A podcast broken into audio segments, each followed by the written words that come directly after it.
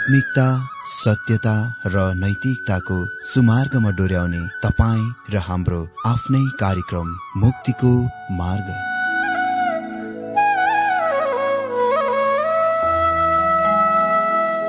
आदरणीय श्रोता यस मुक्तिको मार्ग कार्यक्रममा हार्दिक स्वागत छ। आशा छ यस आत्मिक कार्यक्रमद्वारा जीवनमा आत्मिक आशिष अलौकिक शान्ति र आनन्द प्राप्त गर्नुहुनेछ। र जीवनमा धन्य अनुभव गर्नुहुनेछ। आउनुहोस् श्रोता मन र आत्माको तयारीको लागि यो मिठो अनि मधुर भजन गीत सुनौ।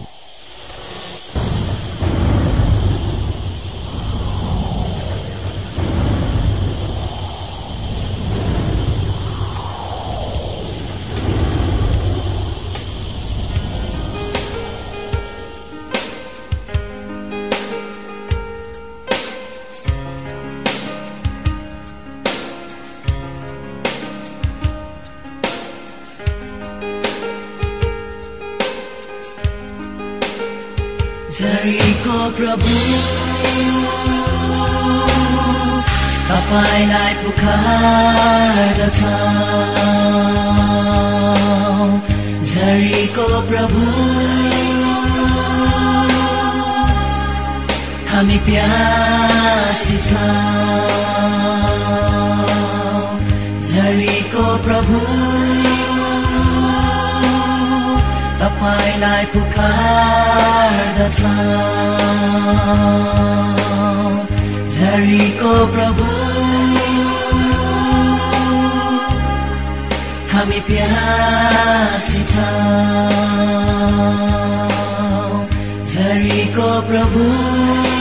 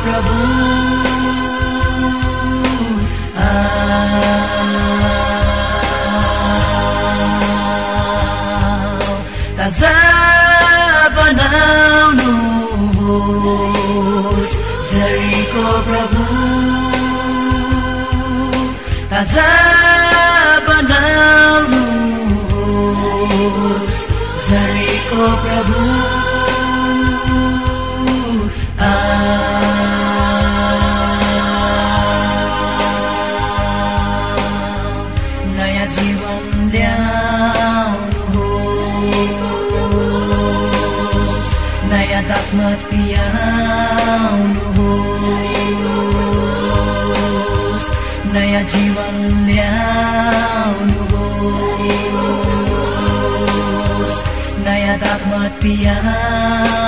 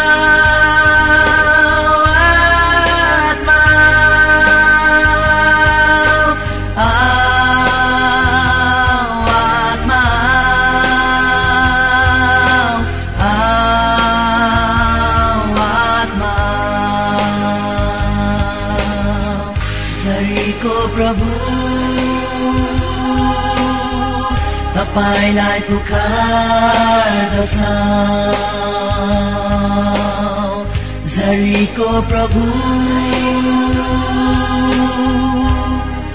हामी प्यासी छौँ। झरीको प्रभु तपाईँलाई पुकार्दछ। झरीको प्रभु हामी प्यासी छौँ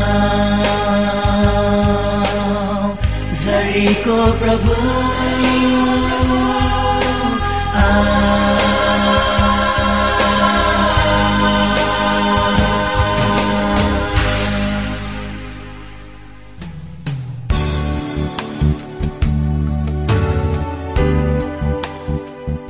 प्रिय श्रोता यो प्रसारण मार्फत यो अवगत गराउन चाहन्छौ कि प्रभुको सेवाको लागि यहाँहरूको साझेदारी नित्यन्त आवश्यकता छ।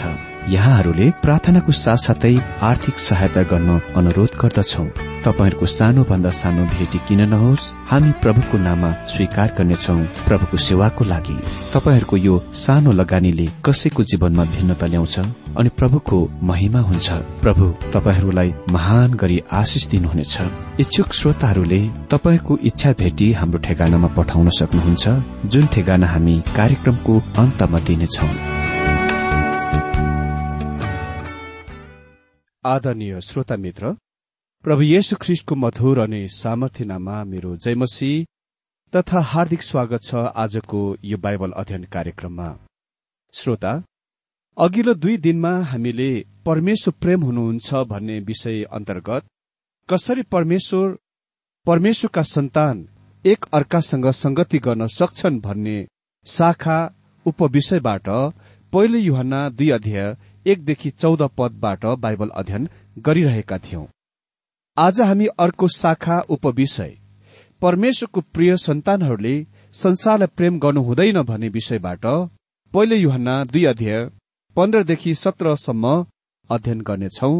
अनि यो कुराको हामीले याद राखौं कि यसै विषयबाट हामी निरन्तर चार दिनसम्म बाइबल अध्ययन गर्नेछौ। हजुर यस खण्डलाई वा भागलाई अघि वा पहिले गइसकेको वचन खण्ड वा भागबाट धेरै मानिसहरूले छुट्याउँदछन् अलग गर्दछन्। तर म सोच्दछु कि जुन कुराको बारेमा युहना कुरा गरिरहेका छन् यो खण्ड त्यसको बिल्कुल अंश हो वा त्यसको भाग हो। युहानले हामीलाई भनिरहेका छन् कि कसरी हामी परमेश्वरको सन्तानको रूपमा थाहा पाउन सक्छौ कि हामी उहाँका सन्तानहरू हौ। उसले भनेका छन् हामीले उहाँलाई जान्ने थाहा पाउने तरिका चाहिँ यो तथ्यद्वारा हो कि हामी उहाँलाई प्रेम गर्दछौ र उहाँका आज्ञाहरूको पालन गर्दछौ। पछिबाट युहन्नाले यो भन्न गइरहेका छन् कि उहाँका आज्ञाहरू कठोर छैनन्। हामी यहाँ दश आज्ञाहरूको बारेमा कुरा गरिरहेका छैनौं तर ती आज्ञाहरूको बारेमा हामी कुरा गरिरहेका छौं जुन प्रभु येशुले दिनुभयो किनकि हामीलाई प्रभु येशु ख्रिससँग अति नै धेरै व्यक्तिगत सम्बन्धमा पवित्रको पनि महापवित्रमा ल्याइएको छ। कसैले यो विभाजन बनाएका छन् जुन म मन पराउँछु? रोमीको पुस्तकले हामी कसरी बन्धनको घरबाट बाहिर निस्कि आउन सक्छौ त्यससँग व्यवहार गर्दछ। एफिसीको पुस्तकले कसरी हामी भोजको घरमा प्रवेश गर्दछौ त्यसको व्यवहार गर्दछ। अनि हेब्रूको पुस्तकले कसरी अनुग्रहको सिंहासनमा पुग्न सक्छौ त्यस कुरासँग व्यवहार गर्दछ। त पहिले युहनाको पुस्तकले कसरी हामी ईश्वरीय उपस्थितिमा पुग्न सक्छौ त्यस कुरासँग व्यवहार गर्दछ। मित्र हामीले पाउन सक्ने निश्चयताको तरिका र केवल हाम्रा आसपासका मानिसहरू कहाँ मात्र होइन आफै स्वयं कहाँ पनि। हामी परमेश्वरको सन्तान हौ भन्ने प्रमाण उहाँप्रति हाम्रो आज्ञा पालनद्वारा र हामीले गर्ने सबै कुराहरूमा उहाँलाई खुसी पार्ने हाम्रो इच्छा हो। मलाई लाग्छ कि त्यहाँ आज कोही कोही मानिसहरू छन् जो अधिक आफ्नो दाँतलाई रगडेर पिसेर भन्छन् ह म उहाँको आज्ञा पालन गर्नेछु। तर तिनीहरूका इरादा अभिप्राय चाहिँ प्रेम होइन। अनि प्रेम उहाँप्रति आज्ञाकारिताको अभिप्राय हुनुपर्दछ। प्रभु येशुले भन्नुभयो युहान चौध अध्ययको पन्ध्र पदमा यदि तिमीहरू मलाई प्रेम गर्दछौ भने मेरो आज्ञाहरूको पालन गर। मेरो मित्र जब तपाईँ ख्रिष्टको आज्ञाहरूको पालन गर्नुहुन्छ किनभने तपाईँ उहाँलाई प्रेम गर्नुहुन्छ म भनौँ धेरै परिवारका समस्याको समाधान हुनेछ। र हाम्रा आफ्ना हृदयहरूमा भएका अनिश्चयताका धेरै कुराहरू लोप हुनेछन्। क्रिस्टियानिटी प्रेम सम्बन्धमा आधारित छ। उद्धार प्रेम हो वा लभ अफायर हो। युहानले हामीलाई यसको बारेमा पछिबाट अधिक धेरै गरेर भन्न गइरहेका छन्। जब उसले भन्छन् पहिलो युहना चारको उन्नाइस पदमा हामी उहाँलाई प्रेम गर्छौं किनभने उहाँले हामीलाई पहिले प्रेम गर्नुभयो। आउनुहोस् पहिलो युहान दुई अध्यय पन्ध्र पद हेर्दै अगाडि बढौं। यहाँ यस प्रकार लेखिएको छ संसारलाई वा संसारमा भएका कुनै पनि थोकलाई प्रेम नगर। यदि कुनै मानिसले संसारलाई प्रेम गर्दछ भने पिताको प्रेम त्यसमा हुँदैन। संसारलाई प्रेम नगर। न त संसारमा भएका कुराहरूलाई नै। अ कुन संसारको बारेमा युहना यहाँ कुरा गरिरहेका छन्? उसको मतलब सृष्टिको संसार वा तपाईँ र म रहेको संसारमा भएको सुन्दर प्राकृतिक सुन्दरताको संसारको बारेमा कुरा गरिरहेका छैनन्। वसन्तमा फूलहरू फुल्दछन् र रुखहरूले पुराना पातहरूलाई फ्याङ्दछ झारिदिन्छ। त्यसपछि रुखहरूमा नयाँ पातहरू लाग्दछ। विभिन्न प्रकारका सुन्दर रंगी बिरंगी पातहरू। त्यति मात्र होइन यो भौतिक संसारमा त्यस्ता सुन्दर मनोहर र मन्त्रमुग्ध पार्ने रमणीय प्राकृतिक स्थानहरू पनि छन्। यहाँ सुन्दर पहाड़ पर्वत नदी नाला झरना र समुद्र छन्। मित्र यो संसारको बारेमा हामीलाई प्रेम नगर्न यहाँ चेतावनी दिइएको छैन। यो संसार परमेश्वरले हाम्रो आनन्द सुख भोगको लागि सृष्टि गर्नुभयो। मित्र युहानले शारीरिक भौतिक संसारको बारेमा यहाँ कुरा गरिरहेका छैनन् जहाँ सुन्दर गुलाबका फूलहरू अग्ला अग्ला रूखहरू उम्रन्दछन्। सुन्दर अद्भुत पहाड़ र पर्वतहरू झरनाहरू नदी नालाहरू र तालहरू ती कुनै त्यस्ता कुराहरू होइनन् जुनको हामीले घृणा गर्नुपर्छ वा घृणा गर्दछौ। बरु ती कुनै त्यस्तो कुनै कुरा हो जुनको हामी प्रशंसा गर्नुपर्छ त्यसको आनन्द भोग गर्नुपर्छ उठाउनुपर्छ आनन्दको। न युहानले यहाँ उल्लेख गरेको संसार मानव जाति नै हो। हामीलाई यो भनिएको छ परमेश्वरले संसारलाई यति धेरै प्रेम गर्नुभयो। कुन कुन संसार? मानिसहरूको संसार मानव जातिहरू। परमेश्वरले संसारलाई यति धेरै प्रेम गर्नुभयो उहाँले आफ्नो एक्लौते पुत्र येशुलाई दिनुभयो। तब कुन संसारको बारेमा युहान यहाँ बताइरहेका छन् त? यहाँ संसारको ग्रीक शब्द हो कोस्मोस। यसको मतलब हो संसार प्रणाली पद्धति। शैतानद्वारा अगुवाई गरिएको संगठित पद्धति प्रणाली जुनले परमेश्वरलाई छोड्दछ र त्यो वास्तवमा उहाँप्रति विरोधमा छ। आज हामीले घृणा गर्नुपर्ने कुरा संसारमा हुने यो कुरा हो जुन परमेश्वरको विरूद्ध संगठित गरिएको छ। मलाई विश्वास गर्नुहोस् आज विश्व प्रणाली पद्धति सञ्चालनमा छ र यो सैतानिक हो। योहनाले यसको आफ्नो सुसमाचारको पुस्तकमा उल्लेख गर्छन् जहाँ प्रभु येशुले भन्नुभयो युवाना चौधको तीस पदमा म तिमीहरूसँग अब उसो धेरै कुरा गर्ने छैन किनकि यो संसारको शासक आउँदैछ अनि ममा त्यसको केही पनि छैन। यो संसारको शासक हजुर संसार प्रणाली पद्धतिको शासक जुनमा तपाईँ र म रहेको सभ्यता पनि सामेल छ। संसार प्रणाली संसारको हो अर्थात् शैतानको हो। उसले येशु प्रभुलाई यो संसारको दिने प्रस्ताव राखे। र मलाई लाग्दैन कि त्यसले हाम्रो मुलुकलाई पनि छोड्यो जब त्यसले यो दिने प्रस्तावना बनाए। यो सबै उसकै हो। र हामीले यो संसारलाई प्रेम गर्नु हुँदैन। हामी युहन्ना सोह्र दिएको एघार पदमा पढ्छौं न्यायको विषयमा किनभने यो संसारको शासकको न्याय गरिएको छ। फेरि प्रभु येशुले सैद्धान्तिक प्रणालीको संकेत गरिरहनु भएको छ जुन आज यो संसारमा छ। एफिसी एक कतिको चार पदमा जब पावले भने संसारको जग उसले भौतिक सृष्टिको बारेमा कुरा गरिरहेका छन् तर जब हामी एफिसी दुईको दुई पदमा आउँछौ उसले भन्छन् ती पापैमा तिमीहरू बितेका समयमा यो संसारको रीति अनुसार हिँड्दथ्यौ। यो संसारको रीति के हो त? यो संसार लोभ लालच स्वार्थी महत्वाकांक्ष स्वार्थी सुख भोगहरू धोका झुट र खतराले भरिएको छ। त्यो नै संसारमा हामी रहन्छौ। अनि युहन्ना भन्छन् कि हामीले संसारलाई प्रेम गर्नु हुँदैन। हामी दुष्ट ऐश्वर्य संसारमा रहिरहेका छौं जुन परमेश्वरको विरुद्धमा छ। हामी समकालीन सभ्यता र जीवनशैली परमेश्वर विरोधी हो र परमेश्वरको सन्तानले त्यसको प्रेम गर्नु हुँदैन। हामी संसारमा छौं तर हामी संसारको होइनौं। हामी धेरैजना व्यापार संसारमा जानुपर्छ। अनि हामी धेरैजना सामाजिक क्षेत्रतिर पनि जानै पर्छ। तर हामी त्यसको अंश हुनु हुँदैन हामीले यस कुराको थाहा पाउन आवश्यक छ कि हामी या त संसारप्रति वा परमेश्वरप्रति आज्ञाकारी बन्न गइरहेका छौं। तपाईँ या त संसारिक प्रणालीको आज्ञा पालन गर्नुहुन्छ र त्यसमा रहिरहनुहुन्छ र त्यसको आनन्द सुखभोग गर्नुहुन्छ या तपाईँ परमेश्वरलाई आज्ञा पालन गर्न गइरहनु भएको छ। गलाती छ दिएको चौध पदमा पाउलको कुरा सुन्नुहोस्। तर हाम्रा प्रभु येशु ख्रिस्टको क्रुसमा बाहेक अरू कुनै कुरामा म गर्व गर्दै गर्दिन। जसद्वारा संसार मेरो निम्ति र म चाहिँ संसारको निम्ति क्रुसमा टाँगिएको छु। भावमा पाउल भनिरहेका छन् मेरो र सैद्धान्तिक संसारिक प्रणाली बीचमा क्रुस उभिएको छ। दुवैले मेरो लागि प्रस्तावित गरिरहेका छन् र परमेश्वरको सन्तानको रूपमा म उहाँप्रति आज्ञाकारी छु। र म ख्रिष्टको क्रुसमा गर्व गर्दछु। तपाईँ यस कुरामा निश्चित हुन सक्नुहुन्छ कि आजको संसार ख्रिस्टको क्रुसमा गर्व गरिरहेको छैन। भनिएको छ कसैले संसारलाई प्रेम गर्दछ भने पिताको प्रेम त्यसमा हुँदैन। तपाईँ पूरा हप्ता शैतानका झुन्ड जमातहरूसँग तिनीहरूका चालमा मेलजोल र हिँडुल गर्न सक्नुहुन्छ र त्यसपछि आराधनाको दिन आइतबार या शनिबारमा चाहिँ परमेश्वरको झुन्ड जमातहरूसँग मेलजोल गर्न सक्नुहुन्छ। तर यो स्पष्ट र प्रत्यक्ष कुरा हो।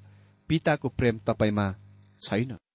रोमी सात अध्यायमा पाउलले विश्वासीहरूको रूपमा आफ्नो संघर्षको वर्णन गर्दछन्। उसले भावमा भन्दछन् मैले यो कुरा पत्ता लगाएँ कि मेरो शरीरमा कुनै असल कुराले बास गर्दैन। मैले पत्ता लगाएँ कि नयाँ स्वभावमा कुनै शक्ति सामर्थ्य छैन।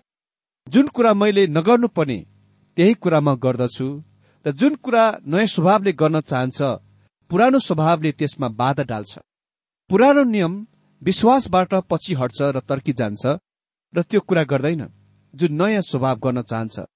यसरी विश्वासी ख्रिस्टियनको जीवनमा जबसम्म यो संसारमा पुरानो स्वभावसँग रहन्छ उसको हृदयमा यो वास्तविक संघर्ष चलिरहन्छ। किनकि पुरानो स्वभाव तपाईँ र म रहने संसारको हितैषी हो र त्यो संसारको कार्यक्रममा जकडिएको छ। अनि पन्ध्र पदमा लेखिएको छ संसारलाई वा संसारमा भएका कुनै पनि थोकलाई प्रेम नगर। यदि कुनै मानिसले संसारलाई प्रेम गर्दछ भने पिताको प्रेम त्यसमा हुँदैन। अनि सोह्र पदमा भनिएको छ किनकि संसारमा भएका सबै थोक अर्थात शरीरको अभिलाषा आँखाको अभिलाषा जीवनको सेखी पिताबाट आएको होइन तर संसारबाट आएको हुन्। युहानले ती तीन कुराको सूची दिन्छन् जुन संसारमा छन्। यिनीहरू खालि परीक्षाहरू मात्र होइनन्। जुनले हामीलाई सामना गर्दछ भेटाउँदछ। तिनीहरू ती परीक्षाहरू पनि हुन् जुन शैतानले हब्बा कहाँ ल्याएथ्यो। पहिलो शरीरको अभिलाषा। हब्बाले देखे कि त्यो रुख खानको लागि असल थियो। यदि तपाईँ भोकाउनु भएको छ त्यो खानालाई असल स्थान थियो। शास्त्रले पेटुपनको अर्थात घिचुवा आदतको निन्दा गर्दछ र शरीरका धेरै अन्य पापहरूको निन्दा गर्दछ। त्यहाँ धेरै कुराहरू छन् जुनले शरीरलाई अपिल गर्दछ। आकर्षण गर्दछ। शैतानले यो उही परीक्षाको प्रभु येसु कहाँ ल्याएको छ? मती चार अध्यय दुई र तीन पदमा। अनि चालिस दिन र चालिस रात उपवास बस्नु भएपछि उहाँ भोकाउनु भयो। अनि परीक्षा गर्नेले उहाँका आएर भन्यो तपाईँ परमेश्वरको पुत्र हुनुहुन्छ भने आज्ञा दिनुहोस् र यी ढुङ्गाहरू रोटी हौ प्रभु येशुले त्यो गर्न सक्नुहुन्थ्यो। प्रभु येशु ख्रिस्ट र मेरो बीच भिन्नता यो हो कि यदि मैले ढुङ्गाहरूलाई रोटीहरू बनाउन सके मलाई लाग्छ म निश्चय नै त्यो गर्ने थिएँ। तर उहाँले त्यो गर्नु भएन।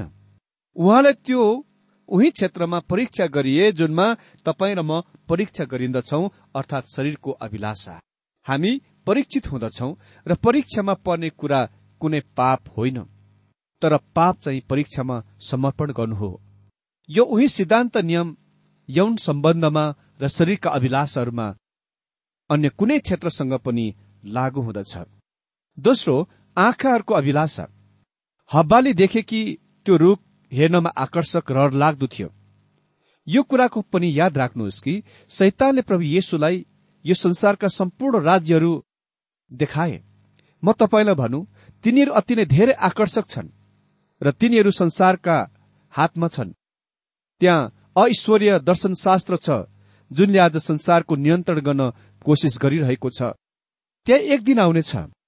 जब ख्रिस्ट विरोधी उदय हुनेछ उनी शैतानको लागि यो संसारको शासन गर्न आइरहेको छ र तपाईँ र म रहेको संसार अति नै आकर्षक छ। जुन केवल आकर्षक कुराले मात्र होइन तर मानव महिमाले पनि भरिएको छ। अनि तेस्रो जीवनको सेखी।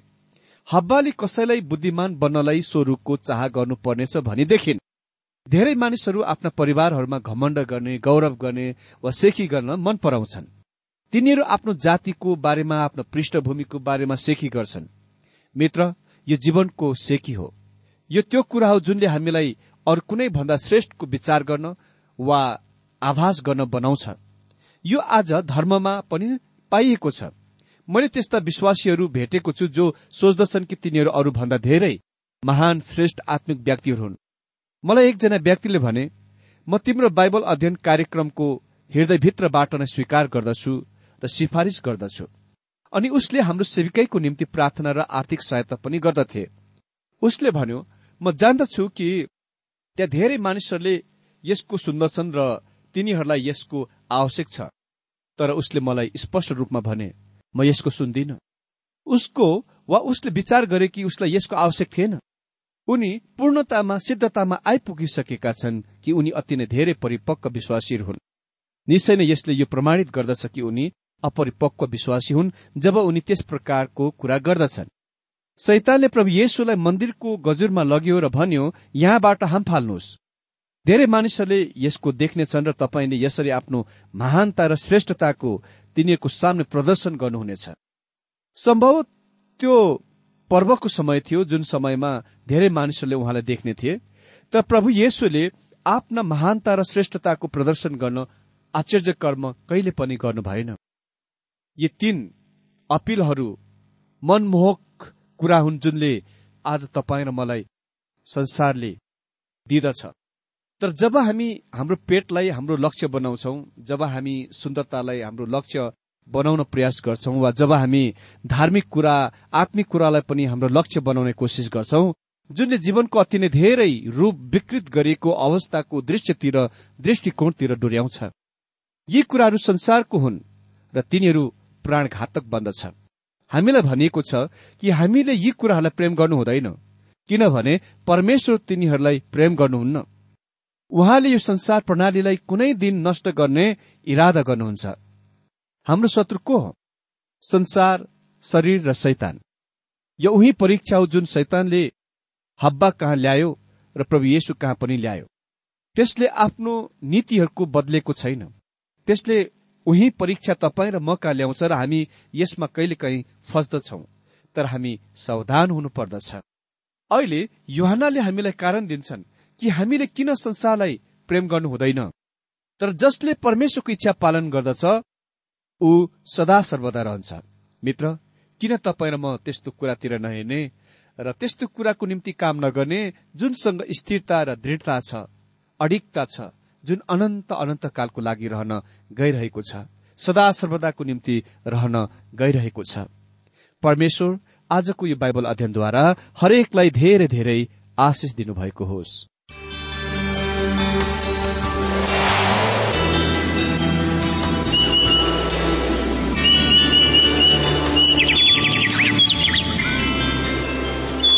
प्रिय श्रोता अहिले भर्खरै तपाईँले टीडब्ल्यूआर नेपालद्वारा सञ्चालित आत्मिक कार्यक्रम मुक्तिको मार्ग सुनिरहनु भएको थियो। श्रोता आजको यो कार्यक्रम सुनेर तपाईँलाई कस्तो लाग्यो? यदि यो कार्यक्रम सुनेर मनमा कुनै खुल्दुली वा कुनै प्रतिक्रिया अर्थात सुझावहरू छन् भने हामीलाई पत्रद्वारा लेख्न सक्नुहुनेछ।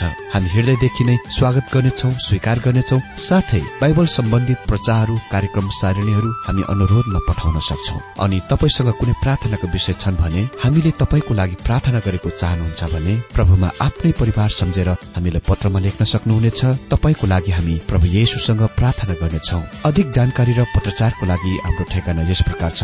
कार्यक्रम मुक्तिको मार्ग जीपीओ नम्बर उनानब्बे पचहत्तर इपिसी पच्चिस एकसठी काठमाडौँ। ठेगाना एकपल्ट सुन्नुहोला। कार्यक्रम मुक्तिको मार्ग जीपीओ नम्बर उनानब्बे पचहत्तर इपिसी पच्चिस एकसठी काठमाडौँ। हाम्रो इमेल एड्रेस हो TWR Nepal at Yahoo dot com. साथै यस नम्बरमा एसएमएस गर्न सक्नुहुनेछ।